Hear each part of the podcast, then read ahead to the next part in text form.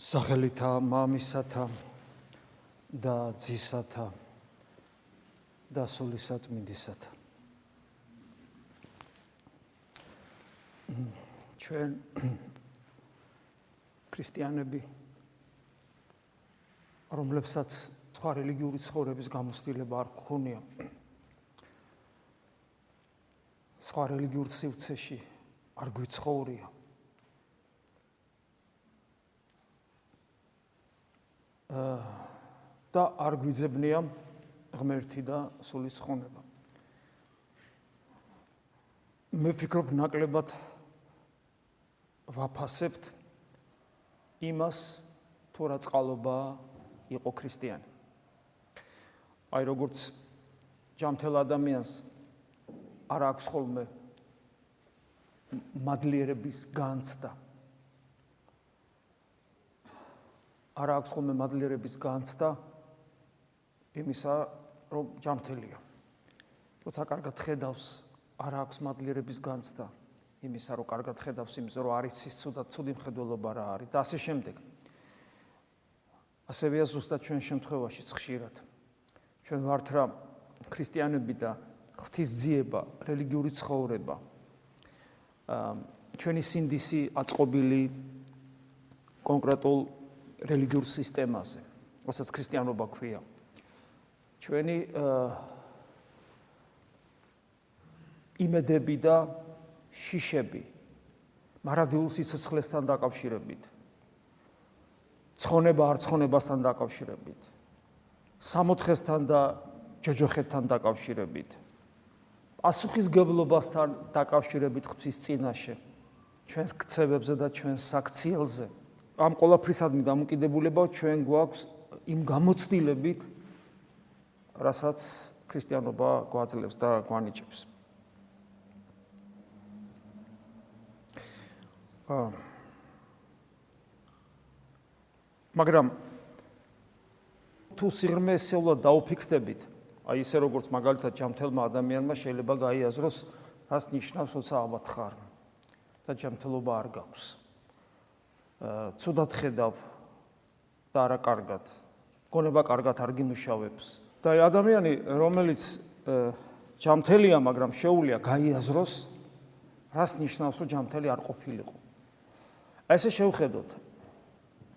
რას ნიშნავს, რომ ქრისტიანი არ იყო და იყო, თქვათ, რომელიმე რელიგიის წარმომადგენელი. მაგალითად, იყო ისეთი რელიგიური სისტემის წარმომადგენელი, სადაც არ არსებობს სოციალური ღმერთი. და თუ ჩაუფიქრდები სიღრმისეულად რა პერსპექტივა აქვს შენს მარადილ ყოფობას? ბოლომდე გაცნობიერებული არ აქვს. დოქტრინალურად შენს მარადილ პიროვნულ უნიკალურ ყოფიერებას ზოგ შემთხვევაში არანაირი პერსპექტივა არ აქვს. შენ უნდა შენ უნდა შეუერთდე უპიროვნო ცნობიერების არ მქონე ღვთაებას და შენი უნიკალურობა საერთოდ უნდა ჩაიკარგოს და გაქრეს. სრული ნიჰილიზმის სიცოცხლის თვალსაზრისით პიროვნული უნიკალურობის თვალსაზრისით.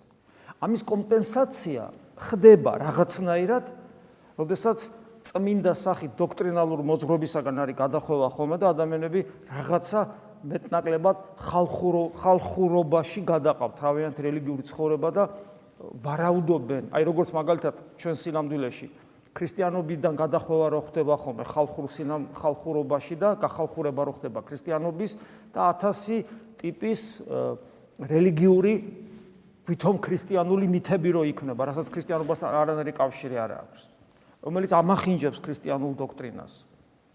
ასევეა ყველა სხვა რელიგიებშიც. ერთია რაც გაბატონებული დოქტრინა არსებობს და მეორეა მისი დამახინჯებული ვარიანტები და იქ სადაც ეს პიროვნული პერსპექტივა ნულოვანია, ნულოვანი. იქ ადამიანი კომპენსაციას სხვანაირად ცდილობს, სხვანაირად. არ დაგვავიწყდეს რომ ცივილური სამყაროს საფუძველი, რასაც დღეს ასე ძალუმად უარყოფს ცივილური სამყარო, არის ქრისტიანობა. აი ჩვენ ცივილურ სამყაროს, რა თქმა უნდა, არსებობს აღმოსავლეთის ცივილიზაციაც, შორეული აღმოსავლეთს გულისხმობ, მაგრამ თანამედროვე ცივილური სამყარო მაინც დაფუძნებულია რამდენიმე ისეთ საფუძველზე, მათ შორის მათ შორის ბერძნულ ფილოსოფიაზე, მათ შორის ბერძნულ ფილოსოფიაზე, როგორც სააზროვნო სისტემაზე, მათ შორის რომაულ სამართალზე და ქრისტიანობაზე, ქრისტიანობაზე. აი პიროვნული თავისუფლება და ეს უფლებები ადამიანის ეს ყველაფერი ქალის მამაკაცსა და ქალის თანასწორობა და ბავშვთა უფლებები ეს ყველაფერი არსობრივად ქრისტიანობა მოიტანა. სრული სისავსით. და ამიტომ სხვა სამყაროშიც, აი შორეულ აღმოსავლეთში თუნდაც ხშირ შემთხვევაში, სწორედ აი ამ ცნობიერებაში არიან, რასაც ქრისტიანობა გვაწვდის, რომაული სამართალი გვაწვდის. ბერძნული ფილოსოფიური სააზროვნო სისტემა გვაწვდის. ამიტომაც არის ხოლმე რომ გახალხურება ხდება ხშირად აი მიმართულებით. ულტრა აღმოსავლური შორეულ აღმოსავლური რელიგიებიც კი სექტების სახით რომელიც მე ევროპაში და ამერიკაში გადიოდნენ პირდაპირ ქრისტიანულ რაღაც ქრისტიანულ ღირებულებებს ითავისებდნენ და ითვისებდნენ. ეს ესე ხდებოდა ვინც რელიგიების ისტორიას გადახედავს ამას ადვილად დაინახავს და აღმოაჩენს. მაგრამ თავისი ნამდვილი სახით ხშირ შემთხვევაში ეს არის სიცოცხლესთან შეუთავსებელი შეიძლება ასე თქვას, იმიტომ რომ პიროვნულ უნიკალურობას, უნიკალურ არსებობას პერსპექტივა არ აქვს.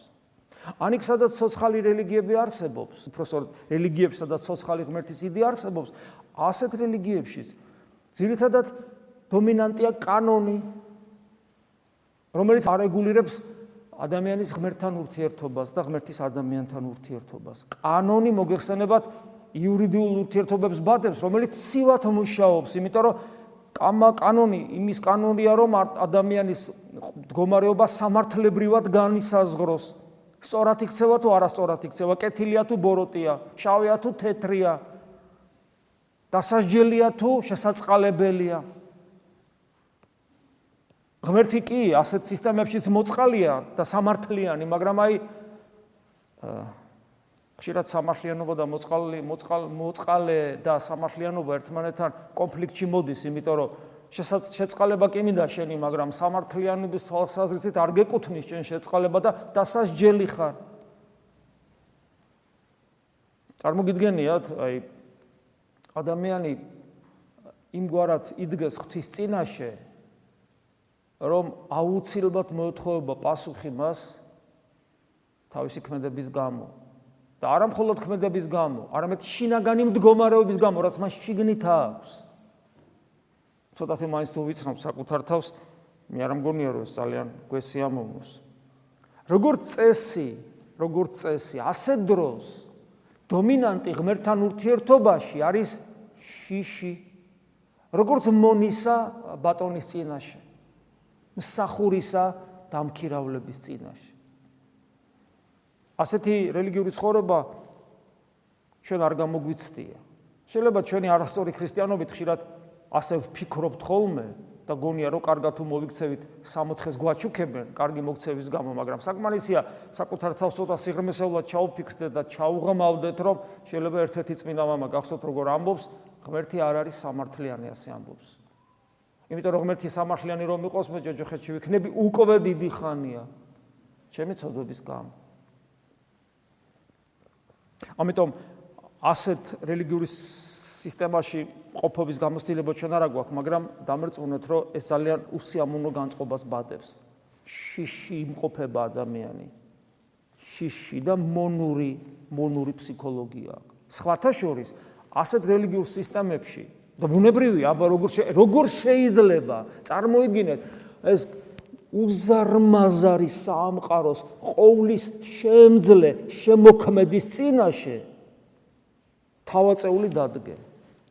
რანაირად არის შესაძლებელი ეს? რანაირად? ტყეში რო შეხვიდე, გარეული ნადირის წინაშე ვერ იქნები, ესე მხნეთ, იმიტომ რომ შეგეშინდება.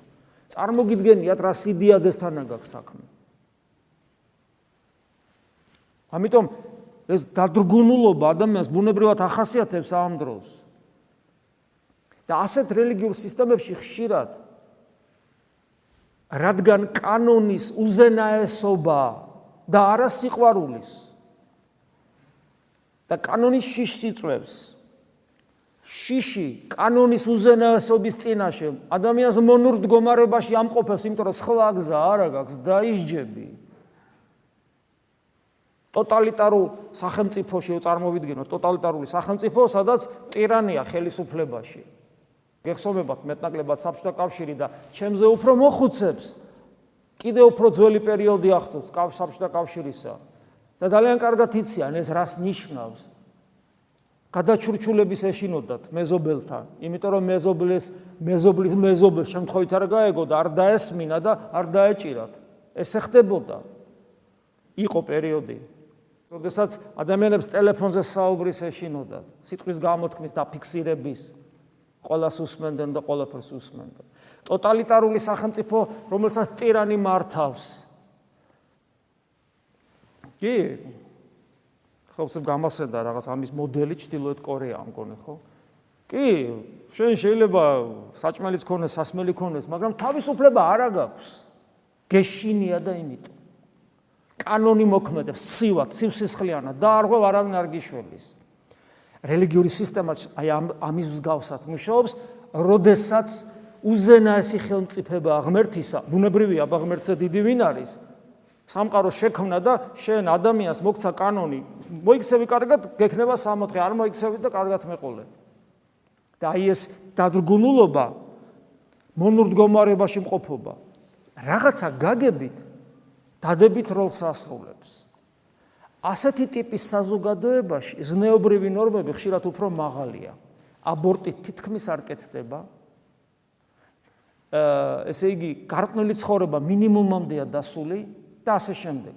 არ არის კაზინოები და ასე შემდეგ. ანუ რისი თქმა მინდა რომ ხშირ შემთხვევაში ჩვენ გვიკვირს რომ აი ჩვენ ქრისტიანები რას გავართ შეხედე და აი სხვა რელიგიის წარმომადგენლები უფრო ზნეობრივები არიან, უფრო სწორად ცხოვრობენ, ნაკლებად ღალატობენ ცოლქმარი ერთმანეთს, აბორტებს არაკეთებენ, ბერშვილს აჩენენ და ასე შემდეგ. იქ როგორ ხდება ესე? ჩვენ არ სიცხლე არ არის ჩვენთვის ეს.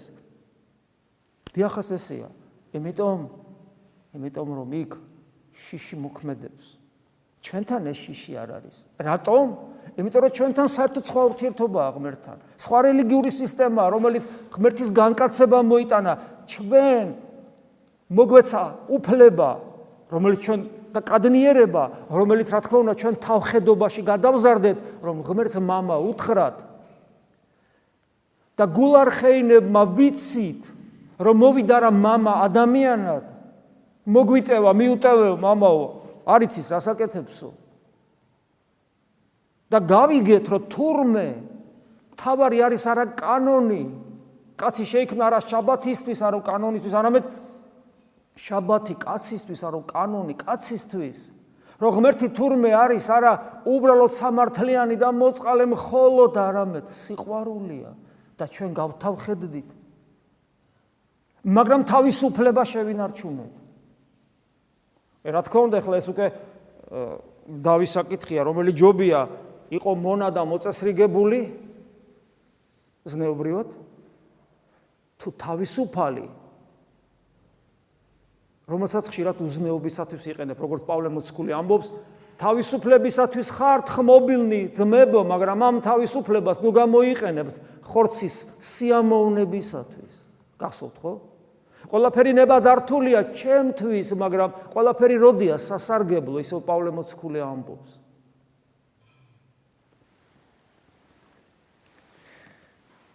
მე არ ვიცი ვინ რას აერჩევს მაგრამ მე ვფიქრობ ჩვენ ქრისტიანობა ავირჩიეთ.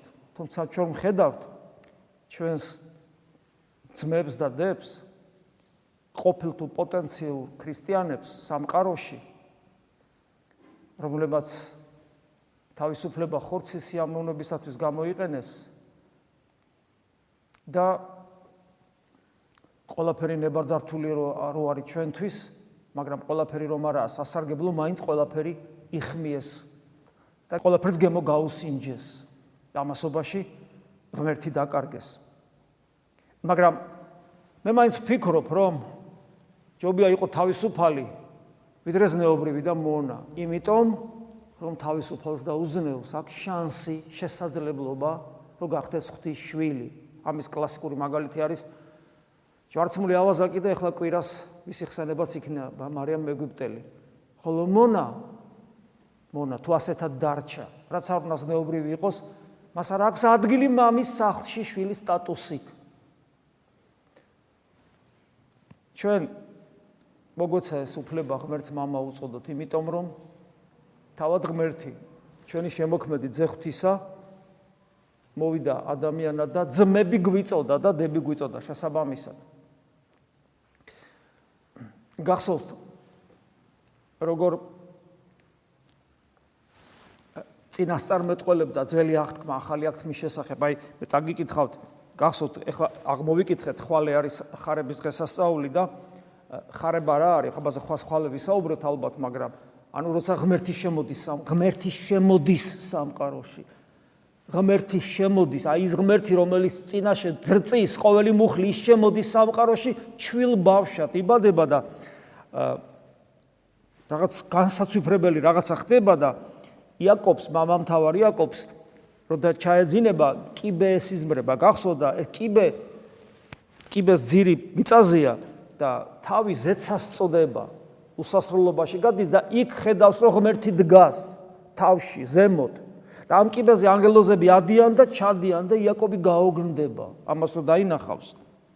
და მე კიბის თავში მდგომარე ღმერთი ეუბნება მე შენთანა ვარ და ყველგან ბრძოლ ქართულად წავიკითხავ უფრო ლამაზი იქნება თუ ვერ გავიგებთ. აჰა მე შენთანა ვარ დაცვა შენ და ყოველსა გზასა შენსა. ვიდრე ანუ საითაც ხვიდოდი. არა დაგიტეო შენ არა ანუ არ დაგტოვო შენ და მე იაკობი იღვიძებს და ამბობს რამე თუ არს უფალი ადგილსა ამას და მე არ ვიცოდი რომ უფალი ამ ადგილას იყო და მე არ ვიცოდი. იაკობმა სიმბოლო ბოლომდე რა თქმა უნდა ვერ გაიგო როგორ გაიგებდა ეს სიმბოლო აი ამოიხსნა ახალ აღთქმაში. ანუ იაკობა ნახა კიბე, რომლის რომელზე ანგელოზები ადიან, ჩანდიან, ეს კიბე აკავშირებს ტრანსცენდენტულ ღმერთთან, ეხა თანამედროვე ტერმინოლოგიით რო ვთქვა. ანუ სამყაროს მიღმიერი რაღაც ესეთი გასასვლელი პორტალებით ტექნიკური ტერმინულობით ვიხმაროთ, რომლის ძირი ქვეყანაზეა და ზეცასწრება ღმერთი დგას და ღმერთთან კავშირი ყარდება და ებუნება რომ მე შენთანა ვარ შენ დაგიცავ სადაც არ უნდა იყო სადაც არ როგორც არ უნდა ცხოვრობდე სადაც არ უნდა წახვიდე ყველგან დაგიცავ დაგიფარავ შენ და იაკობი ამბობს რომ არ ვიცოდი უფალი იყო ამ ადგილასო. მაგრამ ახალ აღთქმაში ეს რა თქმა უნდა იხსნება. გახსოვთ მსგავსი ადგილი ნათანაელს რომ ნათანაელო მოექცევა ნათანაელი. ეფალო ეუნება რომ შენ აი ჭეშმარიტი ისრაიტელი რომელთანაც მზაკრობა არ არის საიდან მიცნობ ლეღვის ქვეში ჯექი და იქ გიხილე ნათანაელი დაემხობა და უფალი ჩემი და ესე იგი შენ ხარ ძეხვთისა და ესე იგი მეუფე ისრაელის ანუ თაყვანსებს პატივს მიაგებს და მე უფალი ეუნება რომ ამაზე მეც იხილავ. იხილავ კიბეს აღმართულ საში სადაც იქნება ზემო დამდგარი ძე კაცისა ანუ ღმერთი რომელიც იხილა ის იგივე იესო ანუ ადამიანად მოსული ღმერთი და ამ კიბეზე ასული და ჩამომავალი ანგელოზები. და რადგან ეს სიტყვები? კავშირში არის ნათანაელის მოქცევასთან რომელიც იჯდა ლეღვის ქვეშ და უფალმა იხილა ესე იგი ლაპარაკი არის ნათანაელის გულზე გულზე. და ქვეყანა ქვეყანა ქვეყანა. როგორც მე წინა მომები გამარტავენ იგივე სიმონ ახალი ღვთისმეტყველი ქვეყანა რომელიც რომელზეც ცეცხლი უნდა მოფინოს ღმერთმა ეს ქვეყანა არის ადამიანის გული.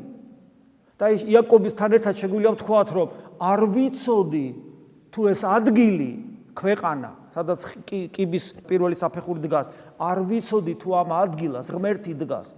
აი ჩვენ ჩვენს გასაგონად ითქმება ეს ჩვენ არ ვიცოდით რომ თურმე გულია ის ადგილი სადაც ღმერთი დგას ანუ კიბის პირველი საფეხური დგას საიდანაც გასავალი არის მარადისობაში როგორც ბასილ დიდი ამბობს გასავალი მარადისობაში ჩვენი გულიდან არის. ანუ ღმერთსა და ადამიანს შორის საოცარი კავშირი მყარდება სადა და ეს ხდება ჩვენს გულში ის ის ადგილი ის ადგილი სადაც ეს კიბე დამაგრდა ეს არის ადამიანის გული. და ეს ყველაფერი ამ ყველაფრის შესაძლებლობა სამყაროს ადამიანებს მიეცა იმიტომ რომ ყოვლა წმინდა ღვთისმშობელი იყო ეს კიბე. ეს კიბე არის ყოვლა წმინდა ღვთისმშობელი. იმიტომაც იკითხება ეს საკითხავად ევანგელ დღეს, წინა დღესასწაულს ხარებისას. ღვთისმშობელია ეს კიბე. ღვთისმშობელი. ამიტომაც პატივს მივაგებ დედას ღვთისას, იმიტომ რომ რომ არა ის არ მოხდებოდა ის რომ ღმერთი ადამიანი გამختارიყო და ჩვენ მასთან კავშირი გქონოდა და ეს კავშირი ჩვენს გულში ხდება. ამიტომაც არის, რომ მე რო ღმერთს ვეუბნები მამას, რომ ვუწოდებ ეს რაღაცა ესეთი ზნეობრივ მდგომარეობაზე კი არ მეანიშნებ ჩემსას, რომ იცი რა, ისე უნდა კარგად მოვიქცე, რომ ღმერთის შვილი გაყვთ. არამედ ნამდვილ შვილობაზეა საუბარი, იმიტომ რომ ჩემს გულს ეხება, ჩემს შინაგან მეტამორფოზას ეხება. ახალ ჩემს ახალ არსებად, ახალ ქმნილებად გარდაქმნას ეხება. რეალურ კავშირს ეხება ღმერთთან შვილობის, ჩემი მისდამი შვილობის სტატუსი. და ამიტომ ჩემს სულიერ ცხოვრებაში, ჩემს რელიგიურ ცხოვრებაში დომინანტი არის არა კანონი, არამედ სიყვარული. აბსოლუტური ყოვლად ყოვლის მიმტევებლობა ღმერთისა. და ჩემი თავისუფლება, რომლითაც მე ვლაღობ და მიხარია და მოშვებული ვარ ცოტათი, ეს დაძაბული მონის დაძაბულობა არ მაქვს. მაგრამ ეს სულაც არ ნიშნავს, რომ შიში გადავაგდო, რომ დასაბამი სიბზნის არის შიში ღვთისა, იმიტომ რომ მე მაინც შემიძლია თურმე ღმერთი დავკარგო.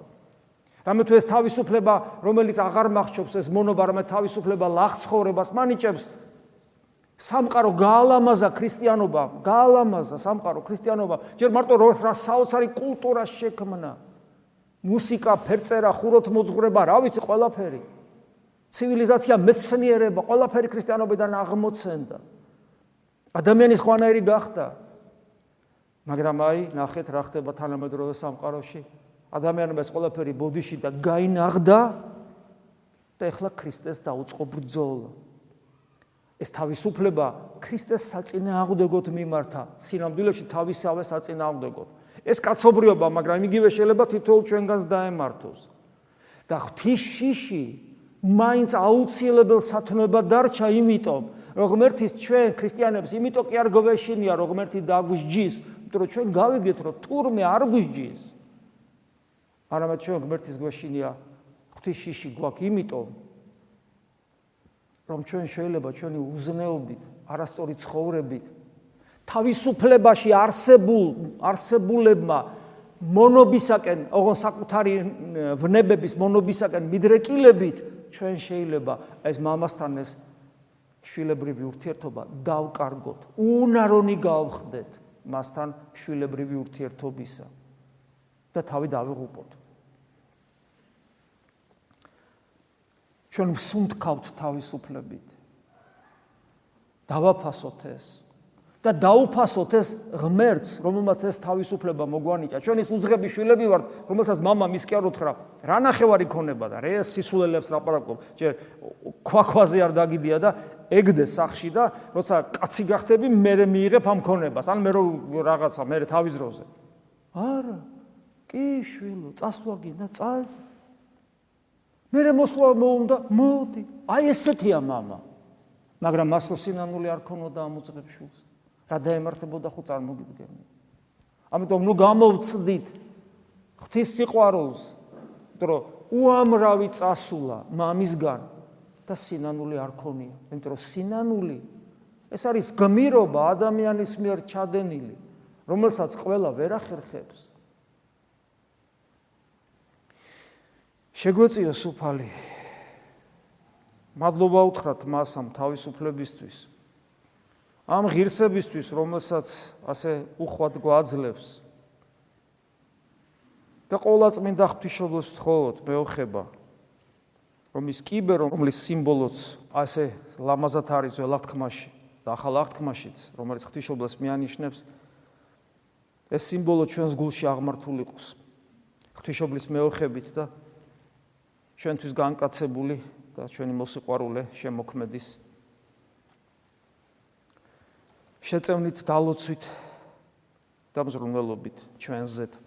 ამინ. მადლი უფლისა ჩვენისა იესო ქრისტეს და სიყვარული ღვთისა და მამისა და ზიარება სული საწმინდისა იყოს თქვენ ყოველთა თანა. ამინ.